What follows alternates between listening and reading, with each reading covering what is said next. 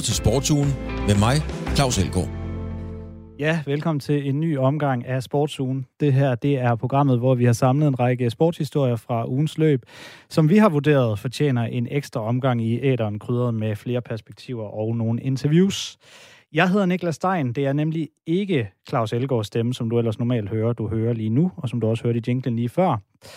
Men Claus, han får ordnet noget velfortjent ferie, så i mellemtiden så er det lige mig, der forsøger at holde mikrofonen varm. Og så er Claus ellers tilbage på sin vante plads allerede i næste uge. Holdet bag programmet her, det er heldigvis det samme, så jeg kan med ro i maven sige, at vi har en stærk team klar til dig. Vi skal nemlig snakke om dansk succes i cykling og atletik, en overraskende pokalvinder i fodbold. Vi skal snakke om badminton, coronakaos, NFL-draft og til slut Giro d'Italia. Så lad os da bare øh, tage arbejdshandskerne på og komme i gang. Der var lagt op til en stor EM-finale med dobbelt dansk deltagelse i, øh, i badminton. Men det hele endte i noget af en fuser, da badmintonstjernen Victor Axelsen fik konstateret corona og åbenlyst måtte trække sig fra finalen i Ukra- Ukraine i weekenden. Dermed er Anders Antonsen jo egentlig europamester uden kamp, mens Victor Axelsen i forgårs blev fløjet hjem i fuldt isolationsgear i et ambulancefly, som han selv betalt for. Nu har vi så netop Victor Axelsen med på en telefon. Og hej med dig, Victor. Hej så, hej så. Tak fordi jeg måtte være med. Ja, selv tak. Victor, Victor Axelsen, du har de seneste, altså nu har du haft nogle dage til ligesom at komme dig over det her kaos, som jeg kaldte dig, så jeg vil lige prøve ja. først at lade dig, lade dig opsummere, hvordan, øh, hvordan var den her tid, nu når du har fået nogle dage til at få det på afstand? Ja, men selvfølgelig turbulent. Øh, kaos er måske et meget, øh, meget fint ord, at beskrive det med. Øh, men man kan sige, når, når du er midt i kaos, så gælder det om at navigere sig ud af det på, på en god måde, og der er heldigvis nogle gode folk omkring mig, som, øh, som er meget behjælpelige med det. Selvfølgelig specielt øh, B.S. Christiansen i det, i, i, i det her kaos. Man kan sige det sådan, der, der, der var en, en stor hjælpende hånd med at få organiseret det her øh, privat ambulancefly hjem, øh, som vi hurtigt tog en beslutning om, at det var det rigtige at gøre. Men øh, altså, jeg får jo jeg får min test lørdag morgen, øh, kl. 8.30, som der så var ventetid på, selvfølgelig for at få, få svaret tilbage. Og det kom så først efter min semifinal der om aftenen, hvor jeg blev hævet til side i mixzone. Øhm, og får at vide, prøv her, du er, du er positiv, du skal tilbage på, på værelse, ikke? Øhm, og så derfra, der, jeg blev selvfølgelig skuffet, eller jeg blev ked af det, og, øh, og også lidt i panik, for jeg ved godt, at, at det godt kan gå hen og blive nogle lange dage, og, og et langt stykke tid i Ukraine, som godt kunne, kunne have konsekvenser, øh, både træningsmæssigt og selvfølgelig også øh, sådan rent, hvad kan man sige, øh, personligt, fordi jeg selvfølgelig også gerne vil hjem og være i vand, der rammer. Ikke? Øhm, men øh, Ja, nu, nu snakker jeg bare af, så du må hellere sige stop. Nej, for jeg vil egentlig gerne lige gribe fat i det her, du siger med det her ambulancefly, fordi jeg tror, der allerede er mange, der har set uh, de, her, de her billeder med, med dig, der bliver... Uh, mm. Ja, det ligner noget fra sådan en eller anden uh, Hollywood-film fra, fra 90'erne, hvor du bliver transporteret ja, ja, ja. hjem i sådan et stort, uh, ja, hvad kan man kalde man, sådan bioteknisk uh, anlæg eller kammer med, med B.S. Christiansen ved din side. Prøv, lige, prøv lige at sætte mig mm. ind i overvejelserne. Hvornår, hvornår kom den her idé med at booke det her ambulancefly ind i hovedet på dig? Jamen først og fremmest, da jeg får det at vide, at jeg, jeg er positiv, så ved jeg godt, at jeg kan risikere at sidde der i, i 13 dage i Ukraine. Øhm, og jeg snakker så med BS, og, og først der, der, der er vi sådan, okay, vi bliver nødt til at få, få struktureret en plan allerede nu, og finde ud af, hvad skal du bruge dagene på, osv. Øhm, og der ved jeg så ikke, øh, det er der, jeg snakker med BS lørdag aften, da vi lige har fået det at vide. Ikke? Øhm, så i løbet af søndagen, jamen, så ringer BS til mig omkring middag, og så siger han, prøv her, jeg har ikke... Øh, jeg, jeg har tænkt meget over og undersøgt og research, hvordan kan vi få dig hjem på en sikker måde, kan vi overhovedet det. Og jeg har fundet frem til, til FlexFlight her, som, som gør det her, som, som er vant til at gøre det, de er dybt professionelle, men det kræver altså, at du ligger i det her ISO-chamber. Øhm, fordi det vigtigste for mig, som, som jeg snakkede med BS om også, det var, at det skulle være fuldstændig sikkert for, for alle, at jeg rejste hjem. Det skulle, der skulle ikke være nogen i smittefar overhovedet. Og det kan godt være, at det ser lidt voldsomt ud, men uh, det var altså øh, det, var, det, det var altså det, der var nødvendigt. Øhm, og da jeg så så den der, der og først kom ind og lægge, der tænkte jeg selvfølgelig også, at det er godt nok voldsomt, men, øh, men det er sådan, det er nu om dagen, og, og vi bliver nødt til at tage vores forholdsregler, og det var jeg egentlig fast besluttet på at gøre, så længe jeg kunne komme hjem sikkert. Og det illustrerer jo meget fint, at det er en meget, meget speciel situation, du har, du har befundet dig i her øh, den seneste lille uges tid. Og jeg går selvfølgelig ud fra, øh, nu skal jeg ikke øh, tage dine ord i min mund, men, men at du har været skuffet. Øh, har den skuffelse lagt sig her sidenhen?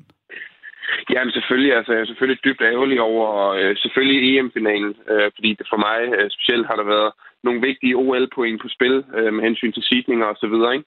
Øh, men også bare det der med, at, at øh, jeg var lidt øh, on a roll rent træningsmæssigt og formmæssigt, der, øh, der har jeg følt mig rigtig fint tilpas, og, og lige der, hvor jeg gerne vil være. Øh, så det er klart, det er selvfølgelig lige, øh, lige, lige, lige et slag i maven, ikke? Øh, men når det så er sagt, så, øh, så brugte jeg ikke særlig meget tid på at, at æve mig over det. Øh, da, jeg, da jeg så først øh, var, var på vej hjem af, så der må man tænke konstruktivt, og man får ikke noget ud af at have ondt af sig selv, eller tænke, ah, hvis nu bare, hvis nu bare. Altså, det, det får jeg ingenting ud af.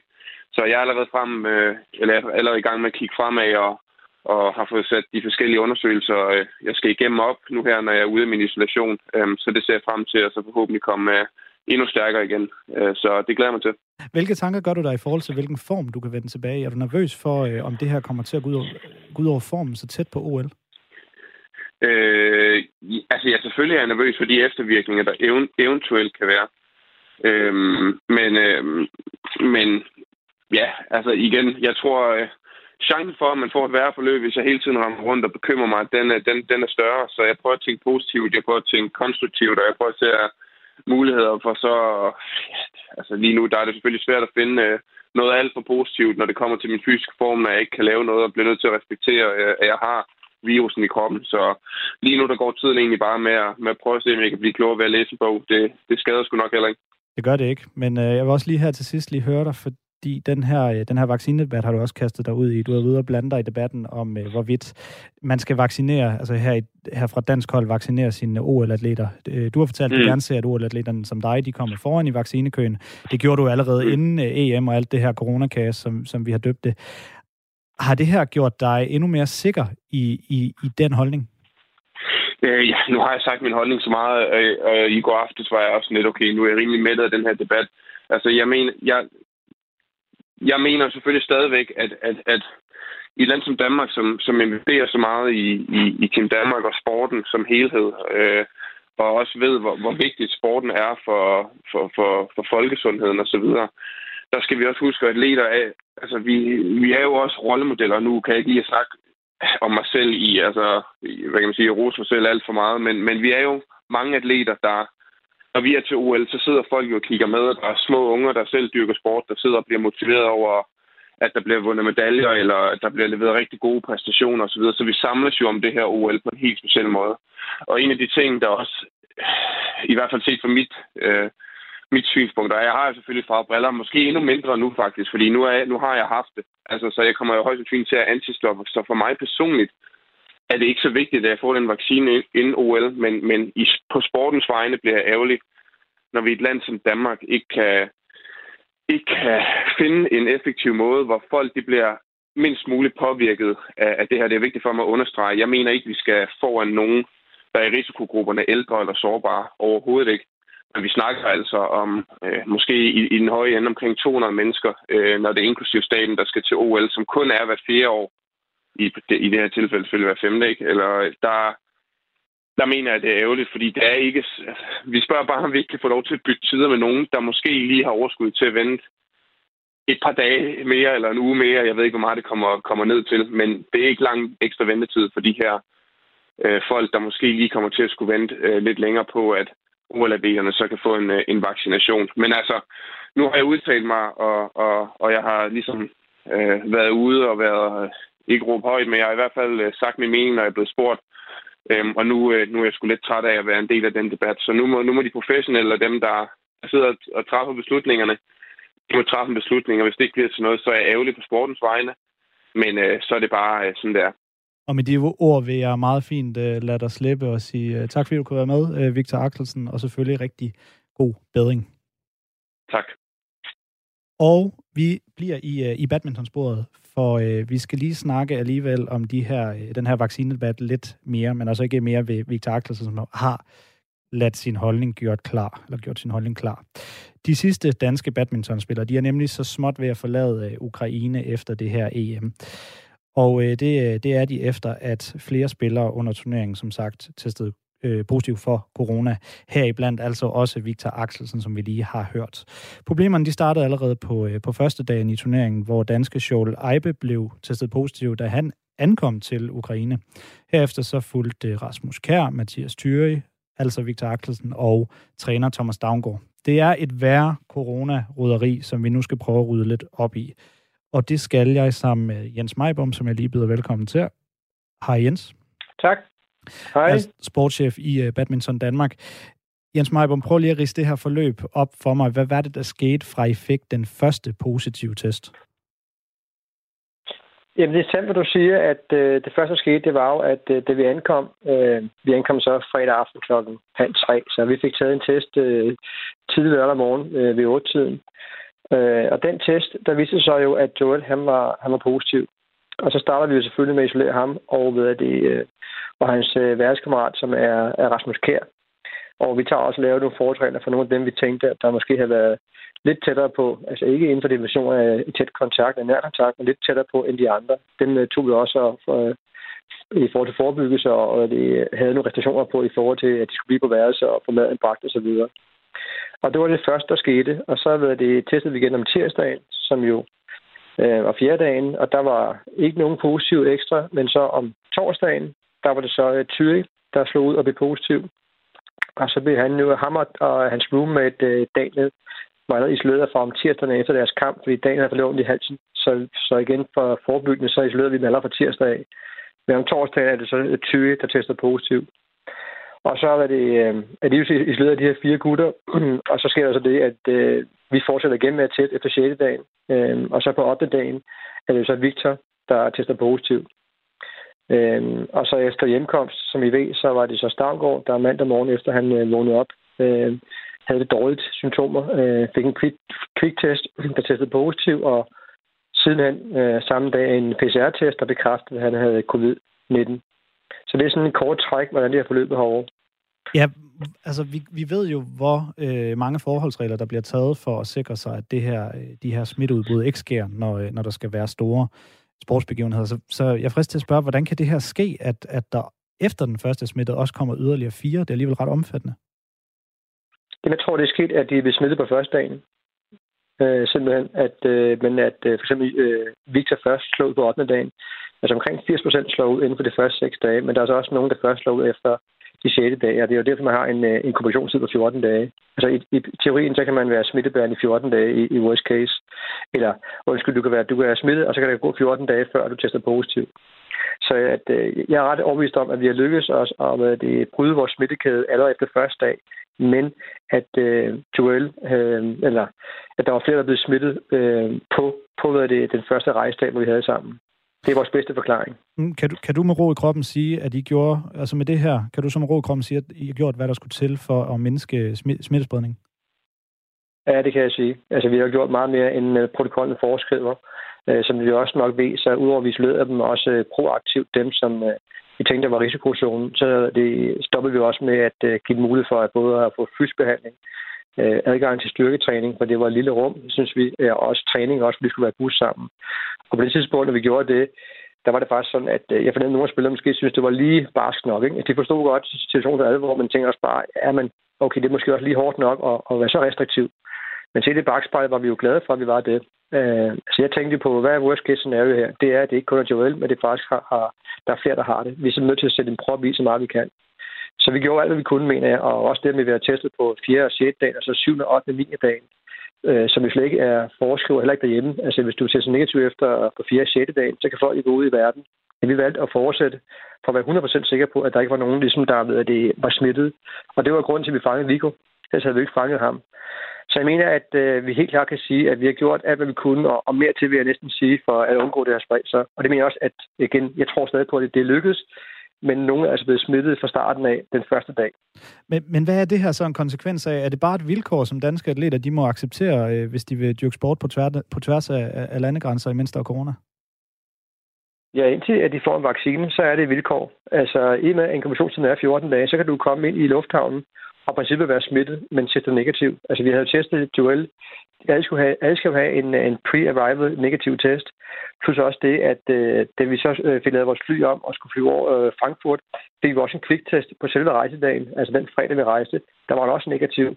Det er først så, at han kommer over i Ukraine, han slår, han slår, slår, slår ud, og hvad det, får nok virus i kroppen til, at øh, det slår ud som en positiv test. Så udfordringen er jo, at øh, selvom vi gør, hvad vi kan, og tester folk øh, tre dage før de tager afsted, og på selve rejsedagen, så kan de i princippet godt noget med i kroppen, men så først slår ud. Ikke? Så man kan sige, at timing har været uheldig for os, at det ikke lykkedes os at, at fange en, øh, både, både før eller undervejs, men, men det er et vilkår ind til, at, øh, at vi får, hvad det, øh, altså at alle bliver vaccineret, kan man sige. Og netop vacciner har det her jo pustet, øh, debatten om, omkring, øh, omkring dem til O1-atleter, har det, har det her jo pustet nyt liv i. Så åbner det, som du ser det, for yderligere spørgsmål om, hvorvidt øh, danske o atleter bør øh, sættes foran i den her nok så berømte vaccinationskø?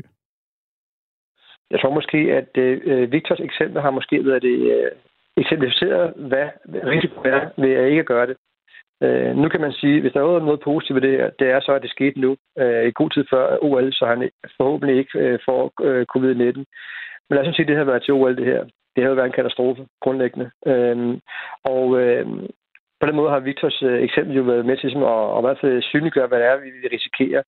Og jeg synes faktisk, at Victor han sagde det så fint lige før. Jeg deler fuldstændig hans synspunkt. Øh, vi snakker ikke om, at øh, vi skal vaccinere alle vores spillere. Vi er måske 30 elitespillere i programmet. Det er ikke det, vi snakker om. Vi snakker om de her det er 7-9, der skal afsted til OL, plus staten. Øh, så jeg deler hans synspunkt, og jeg mener godt, at man som, som samfund kunne, det, kunne træffe den beslutning at sige, okay, de her 150 vacciner, den giver, den giver vi til hvad det, vores OL-atleter.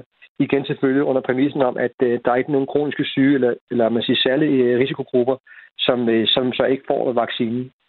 Øhm, så, så det, men jeg synes egentlig, han sagde det så fint, Victor, så jeg, jeg kan bare leve mig op af det, som han sagde lige før. Og det binder så fint en sløjfe på, øh, på den her debat, og på den måde øh, lægger vi øh, badminton, øh, skyder dem til hjørne for i, i dag. Mange tak, fordi du vil være med, øh, Jens Majbom, sportschef i Badminton Danmark. Det var så let. Så hopper vi nemlig videre til en anden sportsgren. Det skal handle om atletik, for i weekenden der kunne Danmark skrive yderligere otte deltagere på listen til OL. Det er både herrenes og kvindernes 4 gange 100 meter Fett, som nu kan booke billetten til Tokyo. Det er første gang siden OL i 1948, at et dansk stafethold deltager ved, øh, ved OL. For herrenes vedkommende, der blev pladsen sikret med den 8. bedste tid ved kvalifikationsløbet, der blev afholdt i Polen. Det er en tid, som var en tusindedel bedre end ukrainernes tid. Min kollega Gustav Pors, han fangede den danske tredje løber Kojo Musa tidligere i dag til en snak om kvalifikationen og ambitionerne frem mod OL. Det kan du høre her. Perioden lige efter vi havde løbet var meget blandet, og mange blandede følelser. Ham Frederik Skov, som løb på sidste turen, han, havde jo, han var væltet og slået sin skulder helt vildt, så han havde vildt ondt, og vi var på det tidspunkt var vi ret sikre på, at vi ikke kom videre. Øh, og vi vidste, at Frankrig skulle løbe øh, efter os, og øh, de løb også stærkt, og ja, vi troede, at de havde slået os med en 100 del, og så der gik alligevel en halv time, hvor vi sådan, altså, hvad kan man sige, vi var jo bare et eller andet sted op i hovedet, hvor vi i hvert fald bare færdige med det stævne, og så skulle videre til 200, øh, 4 gange 200 millioner dagen efter om søndagen. Øh, og så får vi så at vide sådan lidt letvist, at vi jo så har kvalificeret os til finalen alligevel på en tusindel.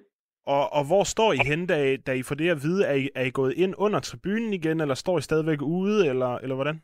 Jamen altså, på det tidspunkt, da, vi, da jeg får det at vide i hvert fald, der er jeg øh, hvad hedder det, vendt tilbage til opvarmningsstadion og er i gang med at klæde lidt om og, og strække ud og lidt. Øh, og så får jeg at vide af nogle af hvad hedder det, holdkammeraterne, at, at vi er så kvalificeret. Jeg, jeg tror i starten, at det er en joke. Øh, og så lige pludselig, så kan jeg jo se op på, øh, på tavlen, at der står, at der står, at vi er kvalificeret som øh, med lille Q til finalen. Hvilket vil sige, at vi så også er top 8, hvilket vil sige, at vi så har kvalet til øh, OL og VM. Hvordan er det at få at vide lige der? Jamen lige på det, lige, lige det øjeblik, der var det, det, det, var sgu, det var sgu vildt. Der kan man sige, der var, der, der var rigtig mange følelser, der gik igennem, øh, og tanker, der gik igennem øh, hovedet. Øhm, også fordi, at OL, det er jo det, det, er det største, man kan, komme ud for. Det er helt klart OL. Øh, men, men også et eller andet sted, så er det jo stadig for mit vedkommende, så det jeg virkelig kæmper så meget for hver, hver evig eneste dag, det er, jo, det, er jo, det er jo de mål, jeg ligesom sætter mig selv øh, individuelt. Så, så, så jeg prøver også på en eller anden måde at ikke at, ikke at lade det tage overhånd, øh, fordi at det er jo så, jeg, så føler jeg måske, at det går lidt meget ud over mine øh, præstationer i stedet for individuelt. Øh, men, men den vildeste følelse at få at vide, at vi er kvalet, helt sikkert. Øhm, nu siger du det her med, med det individuelle, og det, det skal vi nok lige vende tilbage til, men, men kan du ikke lige prøve mm. at for, forklare, øhm, hvor meget kommer I til at, at, at satse på, på stafetten frem mod OL? Jo, men vi kommer til at øh, satse helt vildt på stafetten frem mod OL. Det er jo ligesom, altså det der er, det er jo, at, vi har, at der er blevet lavet en satsning i forhold til det her øh, OL og stafet i det hele taget. Og det, og det så lykkes, det vil jeg så sige, at vi skal bruge væsentligt mere tid på ligesom at, at finpudse alt muligt og, og blive mere, hvad kan man sige, konkurrence, konkurrenklar frem mod OL, øh, hvor det jo ligesom det hele skal, hvad kan man sige, vi skal, det skal slå det slaget, eller hvad man kan sige, ikke? Hvad er, øh, hvad er øh, målet til OL for, øh, for jeres stafethold? Øh, altså, målet i forhold til for vores stafethold, det, det er svært at sige, øh, men, men jeg vil så sige, at vi i forhold til råmateriale har noget, som altså er enormt godt. Øh, det er ikke, det er ikke, hvad kan man sige, vi er ikke de bedste i verden øh, på individuelle tider, men med de tider, vi i princippet kan have frem mod OL, så, så uden at sige for meget, så kunne det godt være en OL-finale, hvis alt det spiller. Og, og der i skal også ligges, at I forhåbentlig forbedrer den, øh, den danske rekord, I faktisk ja, ja. også øh, slog. Ja, ja. ja, ja. Helt klart. At, at det, det, det er jo selvfølgelig... Altså, for, for at komme i en OL-finale, så, så skal vi slå dansk rekord med højst sandsynligt i hvert fald et halvt sekund, hvis ikke mere. Men altså, det, må, det, det, det er jo svært at sige, om det lige lykkes, og om vi får depression rundt og alt det der, men det er det, vi skal træne på nu her jo. Jeg kunne godt lige tænke mig at, at, at vende det her med, med det individuelle kontra, kontra stafetten igen. Lad os, øh, mm. lad os lige prøve at, at opsætte sådan et, et hypotetisk eksempel. Vil du ja. ofre OL-billetten sammen med, med de andre drenge på, på stafetholdet til fordel for, hvis du selv kunne kvalificere dig på, på 100 meter til, til OL? Øh, mm, nej, altså, det er sgu et svært spørgsmål, altså, fordi at jeg vil jo, hvis jeg kunne, man kan sige, at der skal være en, der står i stedet for mig i forhold til en 4x100 meter jo. Så, så, så hvis jeg vidste, at der var en anden en, der ville træde i stedet for mig, så ville jeg gøre det. Men jeg vil ikke gøre det, hvis det gik ud over, at hele holdet ikke kom med selvfølgelig. Fordi at, at i bund og grund, så handler det også om, at, øh, at vi ligesom er et team om det her. Jamen, og det, det er jo det, jeg gerne, gerne vil frem til, fordi I er jo går jeg også ud fra, at de, de andre drenge er, I er jo individuelle øh, øh, sportsmænd, som, som gerne vil se jer mm. selv gøre det bedste. Men nu er I ligesom blevet puttet ind på det her hold, og har faktisk opnået et rigtig, rigtig flot øh, resultat og en flot kvalifikation. Hvordan er det mm. at sætte sådan fire øh, øh, individuelle sportsmænd sammen om, på, på, på sådan et hold? Jamen, det, det, det tror jeg, det er, det, det er svært. Fordi vi dyrker atletik, det, det siger bare, at altså, der, er, der er næsten ikke nogen sportsgren, som overgår øh, atletik i forhold til at være individuel. Altså det er, det, det er kun en selv, man kan blame, hver gang det går skidt, og hver gang det går godt. Så det er enormt svært at sådan, skal sætte nogen sammen, og vi skal lykkes sammen om det her stafet. Så, så jeg tror, at hver især, så har vi helt, helt sikkert stadigvæk, hvad kan man sige, en indstilling om, at det er, det er de individuelle, der står første prioritet, og derefter så er det så stafetten. Nu har du jo øh, sådan her på, her på det seneste ligesom valgt at, at satse fuldt ud på, på atletikken og, og, og blive så, mm. så hurtigt du kan. Hvad er din personlige ambition, sådan både, både i forhold til sådan på, på en kort bane, men også sådan i, i årene frem? Jamen, i forhold til mine øh, ambitioner, så vil jeg nok sige, på den korte bane, så er det nu her at se, om jeg kan kvalificere mig til OL. Øh, og jeg går 100% efter øh, at slå de direkte krav. Øh, man kan så sige, at det er enormt svært at slå de øh, krav, fordi de er så svære og hårde. Øh, men jeg vil i hvert fald give det et forsøg. Øh, og hvis det så ikke er nok, så må jeg håbe på, at det er nok med point.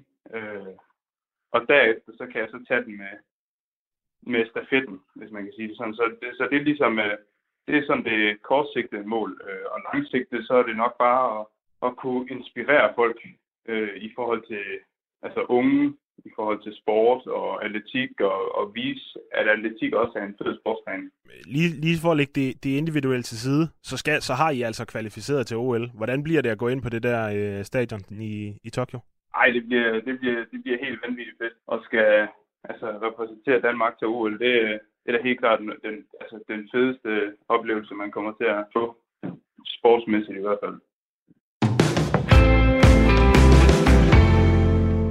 så finder vi fodbolden frem, for i fredags der leverede, der leverede FC Thy Tisted Q, som de hedder, en øh, kæmpe overraskelse, da de vandt Sydbank kvindepokalen. Det gjorde de på hjemmebane mod ingen ringer end Brøndby, der fører kvindeligaen, om, som, som sammen med Fortuna Jøring har domineret den bedste, den bedste danske fodboldrække de seneste 20 år. Alt var lagt op til en Brøndby-pokalsejr, men FC Thy Tisted Q, de vandt 2-1. Og uden at jeg forsøger at sætte øh, flere ord på betydningen for nordjyderne, så vil jeg lige øh, spille det her klip, som meget fint opsummerer det. Det er fuldstændig sindssygt. Det er så stort. Fuck, hvor jeg stolt af pigerne. Hvor er det vildt. Det er slet ikke til at sætte ord på lige nu. Der er snart gået et par dage. Ja, der skulle lige uh, gå nogle dage, siger altså FC Thy Tisted Kus anfører Mathilde Kjeldgaard her til DR lige efter slutfløjt.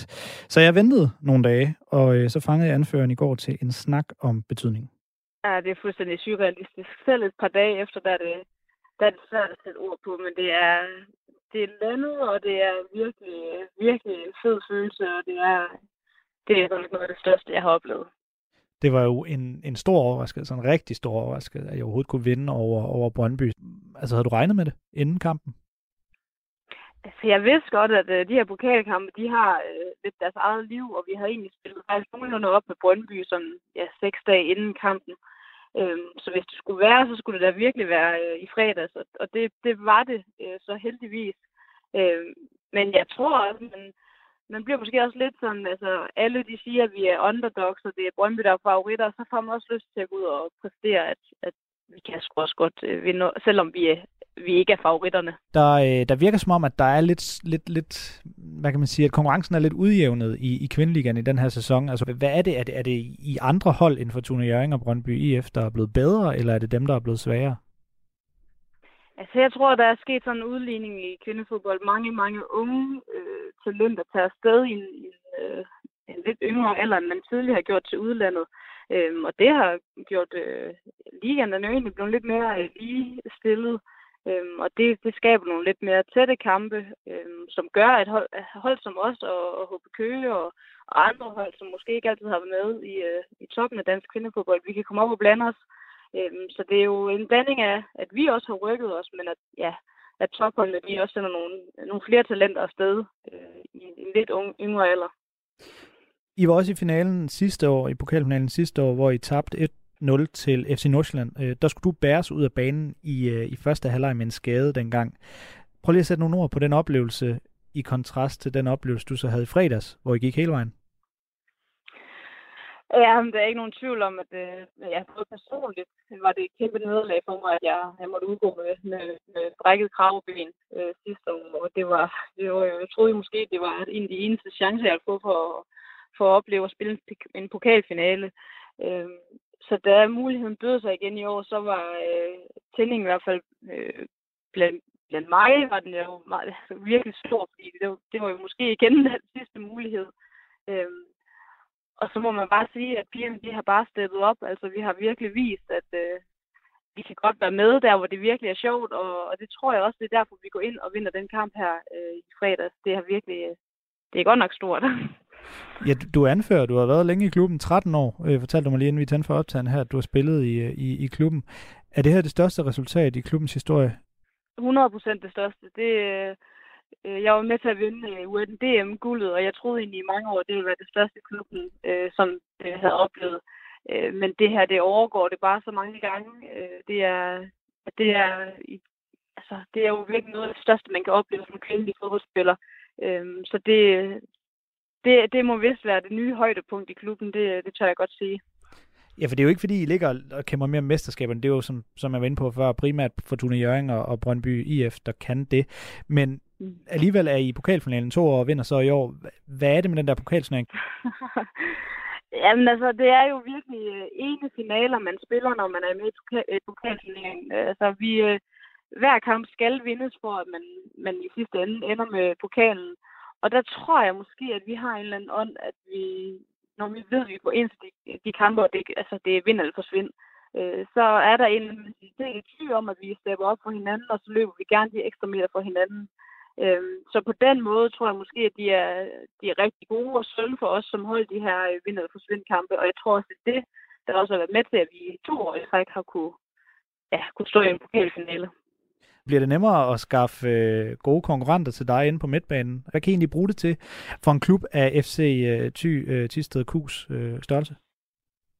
Det er klart, det er jo en, øh, et markat, som vi kan bruge både øh, ja, sponsor øh, vil komme til, og, og har lige pludselig fået nogle andre øjne for os. Men, men som du siger, der kunne også gerne komme nogle konkurrenter til mig på nogle pladser. Øh, det, det er kun sådan i et fodboldmiljø, at der, at der er konkurrence om pladserne. Og ellers så skal vi bare tage det som et kæmpe, kæmpe skulderklap og, og få endnu mere blod på tanden øh, for at, at vinde nogle, nogle flere pokaler til det. Øh, stadigvæk et lille pokalskab, som vi, vi render rundt med. Øh, det er, det er bare et, et rigtig, rigtig vigtigt sæt i, i, øh, i, i udvikling for sådan en uh, klub som Tisted. Det er, vi får nogle pokaler i, i skabet. Men hvad så, hvad så med næste sæson egentlig? Kan, kan I gå efter noget mere i ligaen, eller skal vi forvente, at I stiller med reserverne i ligaen og går efter øh, og, og, og gentage uh, triumfen i pokalen? Uh, nej, vi, vi selvfølgelig uh, kæmper vi også om at, at komme med op, og det er sjovt i, i ligaen. Uh, siger Brøndby på en fjerdeplads i ligaen, og det er da, det er deroppe, vi gerne vil ende omkring. Øh, og så har vi da 100% for mål, at vi skal, vi skal gøre det tre gange i træk øh, med pokalfinalen. Øh, men, men det bliver svært, og, og, vi, og derfor er det også bare vigtigt, at vi ligger øh, en masse timer på arbejdsbanen. Øh, så det er, det er virkelig vigtigt, så det må vi tage arbejdshandskerne på.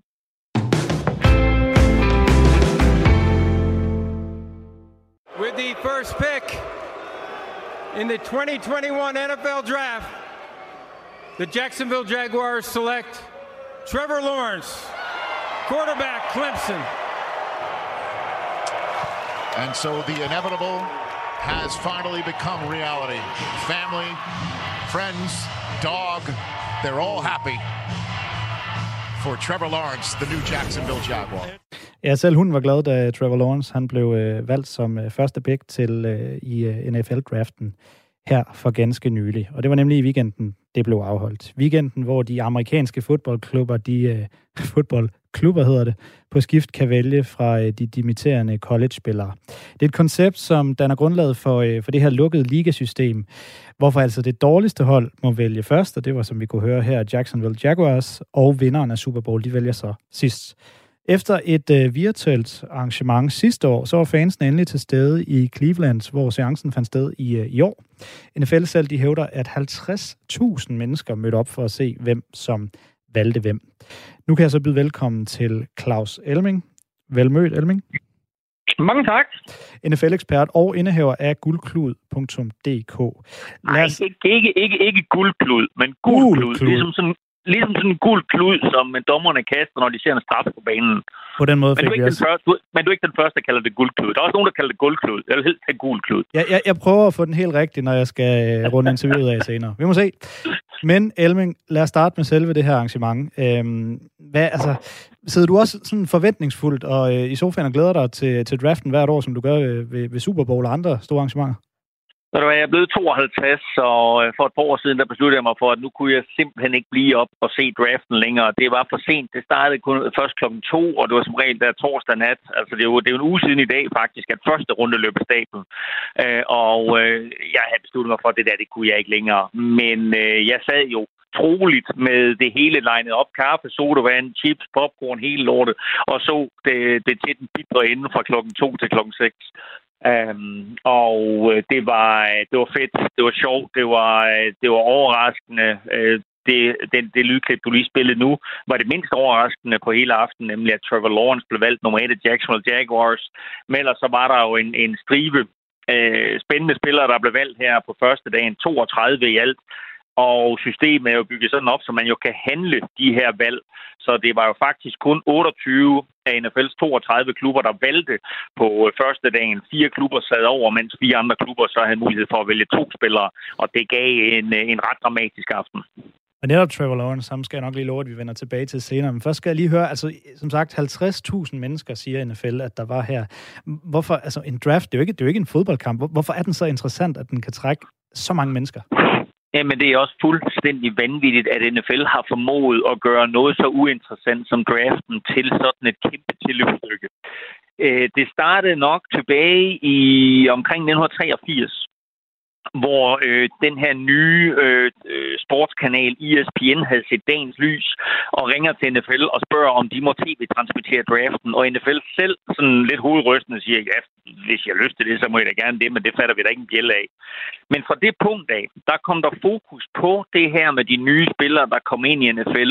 Hvilke klubber fik hvilke spillere, hvilke spillere var det, man kalder et steal, altså øh, var faldet lidt for langt og, og, og kom til en klub øh, lidt sent i draften. Hvilke spillere var det, man kalder et reach, hvor en, en klub havde forelsket sig i en spiller og tog ham alt for tidligt. Det hele blev analyseret og vurderet, der blev givet karakterer, og nu er draften jo blevet et kæmpe tilbestykke. Ikke kun på tv, men jo også for vores lille site, der hedder gulklud.dk, øh, hvor vi jo dækker draften hele vejen op til og har det, man kalder mock drafts også, hvor det er sådan, at, at jeg selv og andre af vores eksperter øh, kommer med deres bud på, hvordan de her 32 første picks, de falder ud. Øh, og vi tager selvfølgelig gruelig fejl, ligesom alle andre gør. Men der er bare en enorm hype omkring det, og vi kan også mærke det i Danmark, at selv de danske fans er jo begyndt at gå mere op i det her og glæder sig til, hvad det er for nogle spillere, der kommer ind, hvor de kan hjælpe, hvad det er for nogle positioner, man får hjælp på. Og det, der er med draften, det er jo også, at alle fans, både i USA og i Danmark, de sidder nu her, umiddelbart efter draften overstået og tænker, wow, vores hold er blevet så meget bedre. Vi kan måske faktisk kæmpe med om slutspilspladser og eventuelt en Super Bowl i år. Og det er så selvfølgelig indtil sæsonen går i gang, at man finder ud af, at man har et lortehold. Men lige nu, der er alle jublende lykkelige som jeg nævnte i indledningen, så er det jo det dårligste hold, som bliver første vælger. Og så kan jeg være lidt fræk at spørge, når, når der er sådan nogle hold, der godt ved, okay, vi, vi er ikke et hold, der skal spille Super Bowl i år, begynder de så at spille lidt dårligere for at kunne opnå bedre spillere i den her draft? Betyder den så meget? Åh, oh, ja, det er, det er et, et meget svært spørgsmål at svare på, og det er jo noget, som der aldrig nogensinde er nogen, der vil indrømme. Men altså for eksempel var der sådan et slogan sidste år, der hed Tank for Trevor, og Tank det betyder sådan at tabe kampe med vilje. Tank for Trevor, det betyder jo simpelthen tabe kampe med vilje, så man kan få lov til at vælge Trevor Lawrence. Og Jacksonville Jaguars, de vinder årets første kamp, og så taber de resten. De taber samtlige kampe, efter de har vundet i spil 1. Øh, og øh, New York Jets var udset til, at de skulle have Trevor Lawrence. Alle troede, at det skulle blive New York Jets, men så dummer de sig i nogens øjne og vinder to kampe. Og fordi de vandt to, og Jaguars kun vandt en, jamen, så var det Jaguars, der valgte først. Og man kan jo sige, at det er jo formodentlig på den lange bane ændrer perspektivet for hele NFL, at Trevor Lawrence, som bliver set som den her Øh, det, han er jo næsten i, i USA, der er så religiøse, der er han jo næsten på højde med Guds søn. Øh, I hvert fald, når man snakker fodbold.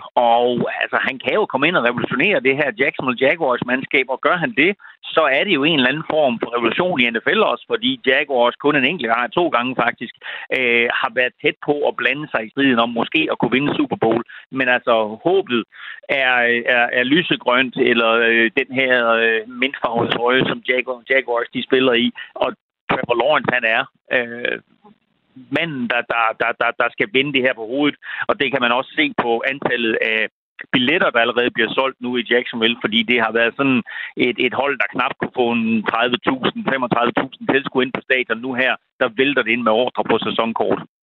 Ja, og det er nemlig ham her, Trevor Lawrence, der bliver snakket helt vildt meget om. Lad, lad os lige prøve at høre, hvordan øh, det lød, da kommentatorerne på NFL's egen transmission, de, øh, de præsenterede ham, da han blev draftet lød sådan her. It's a new era of Jacksonville Jaguars football. This is a prototype player, can make every throw, and as good as he is on the field, he's even better off the field with all of his intangibles. Ja, ny æra frem for Jacksonville Jaguars, fordi det lykkedes med, for dem at, at drafte ham her, Trevor Lawrence. Altså, hvad, nu hørte vi dem præsentere ham lidt her. Hvad, I dine ord, Elming, hvad er han for en spiller? Er han virkelig en, der kan gøre så stor en forskel? En spiller? Det, altså det, det, der er så vidunderligt ved draften også, det er, at, at vi sidder og vurderer alle de her spillere her, og der er jo ingen af os, der har en anelse om, hvordan de klarer sig i NFL. Trevor Lawrence har ikke tabt en kamp i grundspillet i high school eller i college, så det vil sige, når han kommer ind i NFL, så har han principielt i sin karriere kun tabt to kampe, og de var begge to i slutspillet i college. Når han taber sin første kamp i NFL, så kan man sige, wow, nå, nu har han også på at tabe en grundspilskamp. Men det er jo det, som Jaguars de har købt ind på, det er, her har du en knægt, som har, han er næsten større end prototypen på en, en quarterback i NFL. Han er små to meter og vejer 100 kilo, øh, som der bliver sagt her også, kan levere alle kast i bogen. Øh, både de dybe kast og de korte kast. Han tager hurtige beslutninger, øh, og han har været en super quarterback, for han gik i 8. klasse. Øh, nu er han blevet et par 20. Han er en moden mand også, fordi øh, han er allerede blevet gift.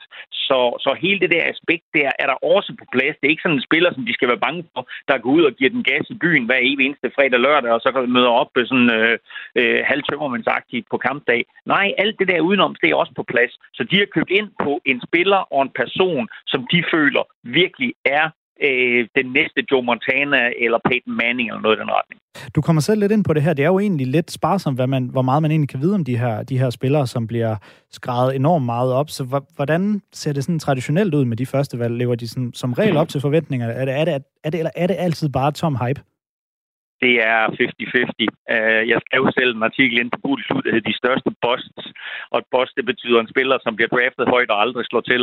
Og der er altså nogle meget markante spillere imellem alt lige fra quarterback som Jamarcus Russell og Ryan Leaf til, øh, til andre øh, mindre kendte spillere. En, en linebacker som Falcons draft, altså Morten Andersens tidligere klub, der, der hedder Andre Bruce, som blev draftet med nummer to pick, altså det er det andet valg i hele draften og aldrig nogensinde slog til. Uh, så NFL-holdene, på trods af, at de har spejder, og de analyserer i hoved og røv, så kan de tage fejl lige så meget, som vi andre kan. Øh, og, og det er jo det, der er lidt fascinerende, og også det, der, du, altså, hvor det virkelig, virkelig drejer sig om for NFL-klubberne at ramme plet. Og især når de har et højt draft pick, så må man simpelthen ikke tage fejl. Men det sker jo år efter år. Nu her bare i den, øh, i, i den forgangne sæson, der er en spiller, der hedder Sam Darnold. Han er skiftet fra New York Jets til Carolina Panthers, og Sam Darnold blev altså valgt med det tredje pick for fire år siden. Uh, men ham har Jets allerede opgivet, og så har de så valgt en ny quarterback i år.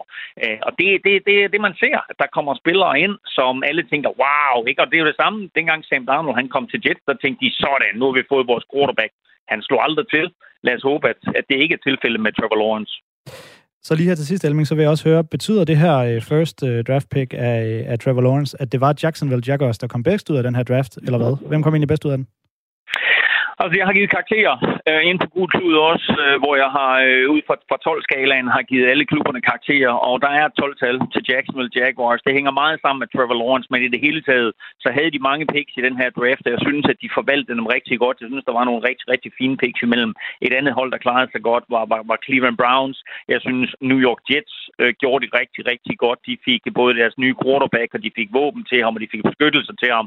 Så jeg synes, de gjorde det godt. Jeg synes også, et, et hold som New York Giants Giants øh, gjorde det godt med nogle fine tilføjelser. Så artiklen ligger inde på Klud, så man vil se, hvordan jeg har vurderet, at de enkelte øh, klubber har klaret sig. Mange tak for det, Claus Elming, NFL-ekspert og altså indehaver af, og det var gulklud.dk. Sådan, stærk. tak for det, Elming. det er fint.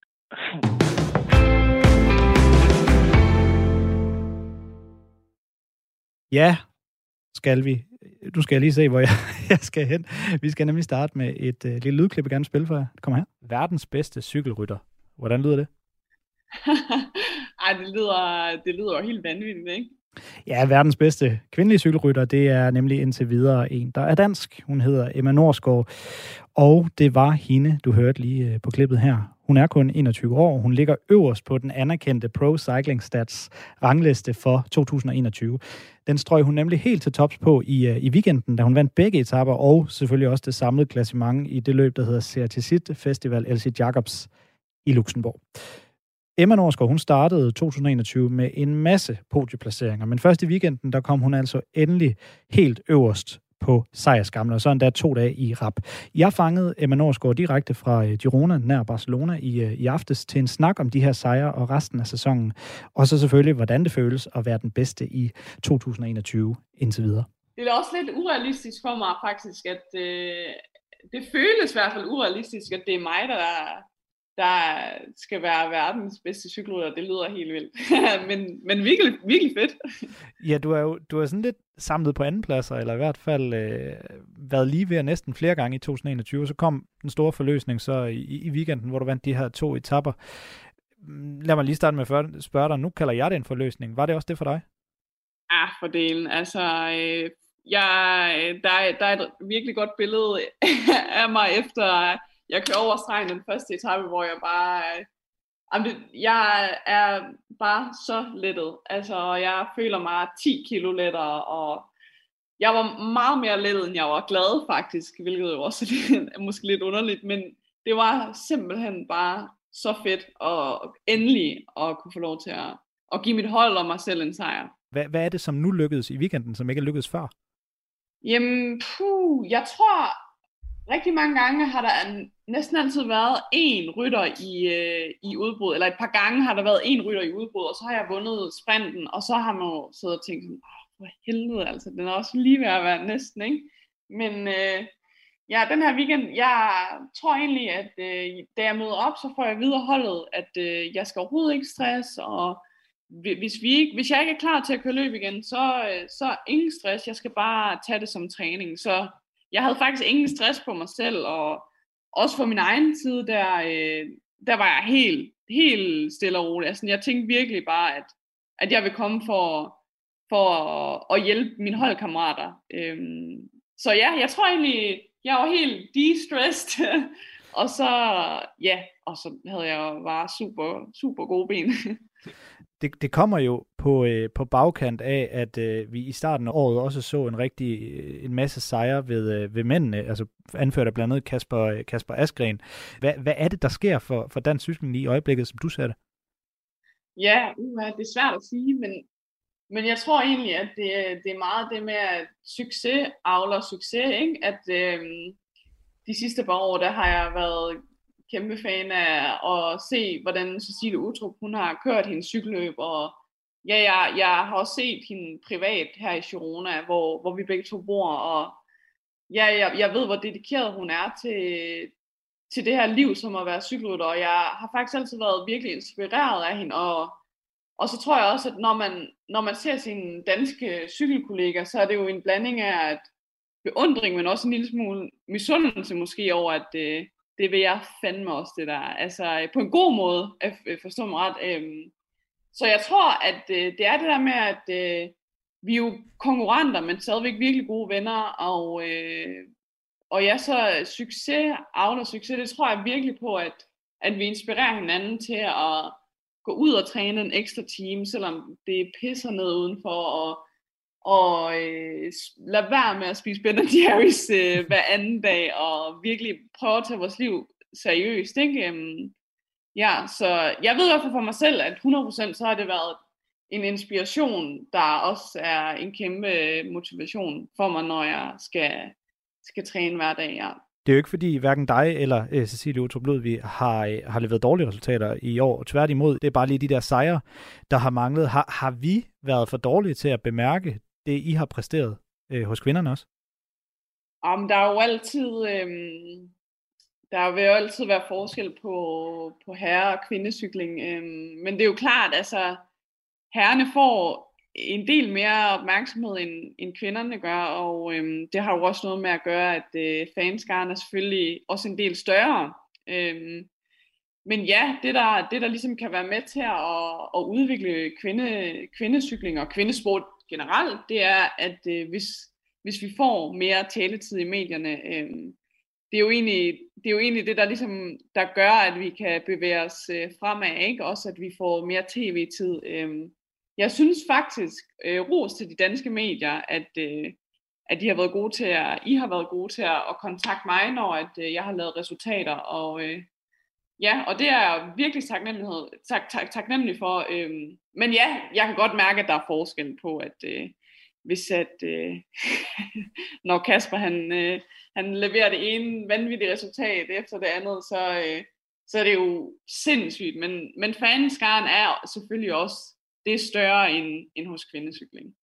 Når du nu så fik de her sejre i, øh, i weekenden, så kan du selvfølgelig ikke undsige dig, at der kommer en masse øh, forventninger oveni.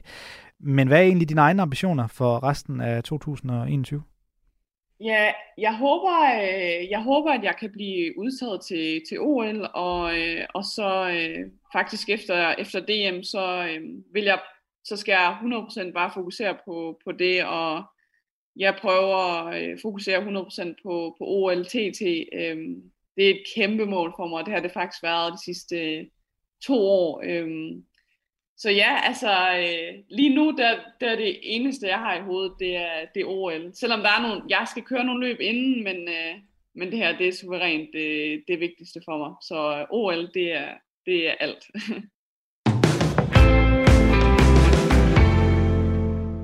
di Michel Landa, Guarda, mentre mi Quintana. sembra che Quintana si sia Quintana sotto. non è lontano, eh. Quintana è lì, Quintana ha soltanto una manciata di secondi, sono davvero pochi di ritardo dalla coppia di testa Landa Nibali, Quintana che al momento è virtualmente nuova maglia rosa perché sta continuando a perdere, sta continuando a perdere Tom Dumoulin. Ja, sådan lød det altså i 2017, da Vincenzo Nibali han vandt 16. etape af Giro d'Italia, mens Tom Dumoulin endte med at vinde hele løbet. Og nu skal vi så handle om øh, netop Giro d'Italia. For sidste år, der øh, havde cykelkalenderen fået corona, og den var slet ikke øh, ved sig selv. Mange store cykelløb blev afløst, og de resterende de lå hulter til bulter. I år der er den heldigvis i bedring, og det bliver markeret om to dage, hvor årets første Grand Tour bliver kørt i Italien. Giro d'Italia er tilbage på sin faste plads i maj, så nu kan jeg runde ugen sportsugen af med en traditionel lille Giro-optakt. Og med til at gøre det har jeg Emil Axelgaard, der er skribent på feltet.dk. Hej med dig, Emil. Hej. Emil, øh, lad os lige starte med den danske vinkel, for den er desværre hurtigt overstået. Vi har nemlig kun to danskere med i år, Mikkel Honoré og Christoffer Jul Jensen. Øhm, Hvad skal vi forvente af de to? Vi skal nok øh, dæmpe forventningerne lidt. De er primært med som hjælperyttere. Specielt, øh, ja, det er de begge to, men, men specielt Kristoffer Juhl er jo den udprægede hjælperyttertype og kommer til start sammen med, øh, som hjælper for Simon Yates, som er, som er en af favoritterne. Så han får, altså det skal plads til meget, hvis, hvis han skal være andet end hjælper. Så er der Mikkel Honoré, han er lidt mere en vindertype og har allerede vundet et stort cykelløb i år. Han kommer så til gengæld til start med hele, hele to kaptajner, øh, Kometen, Remco øh, Evenepoel og, og Joao Almeida. Og derfor så er der også meget, der skal plads sig, hvis han skal få sine chancer. Der er nogle etapper, der passer ham, så man kan håbe på, at der opstår et eller andet moment, hvor han måske kan få lov at, at køre spurt og kan lave et resultat. Men som udgangspunkt, så må vi nok leve med, at det bliver ikke den... Øh, øh det, er- der er ikke den store chance for, at det bliver den store danske Giro. Men siger det her så i virkeligheden noget om øh, noget positivt om, øh, om dansk cykling? Altså, bliver danskerne gemt til, til, til selve turen?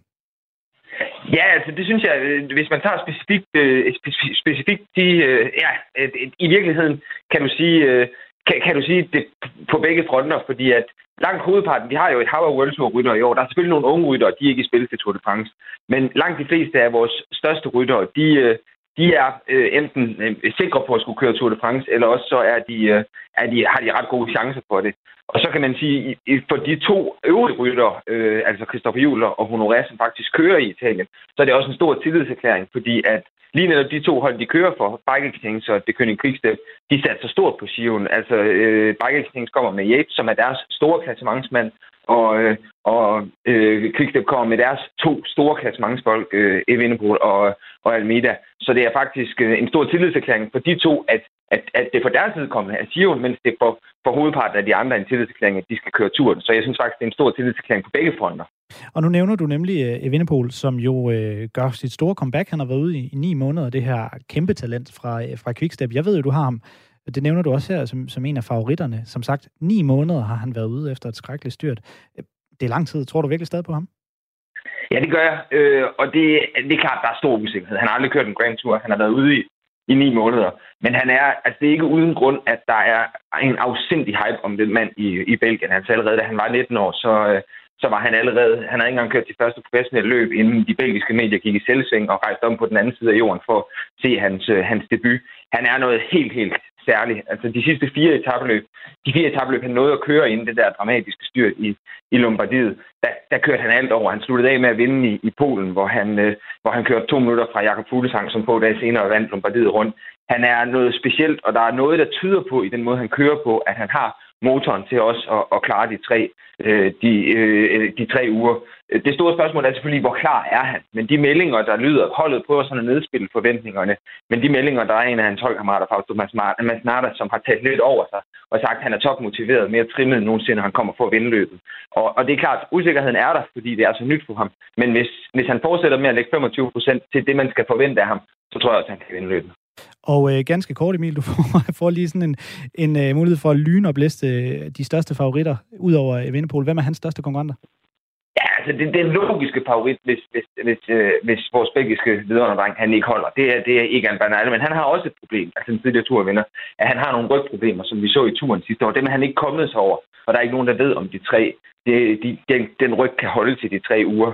Øhm, og derudover så er der så en hel kategori under de to store favoritter, øh, kan man sige. Der er den unge Alexander Flasov fra Astana, som er i rivende udvikling. Så er der Hugh Carthy, der blev nummer tre i, i Vueltaen sidste år med sit store gennembrud. Så er der Emmanuel Buchmann, der blev nummer fire i Og med turen. Bookman stopper jeg dig lige, Emil, fordi øh, vi har næsten ikke mere tid. Det blev en lynoptag, som jeg sagde. Så man må læse resten inde på øh, feltet.dk, hvor du skriver meget omfattende og aldeles fremragende øh, optagt analyser. Tusind tak for det, Emil Axelgaard, skribent på øh, feltet.dk. Ja, det er en, det er en fornøjelse.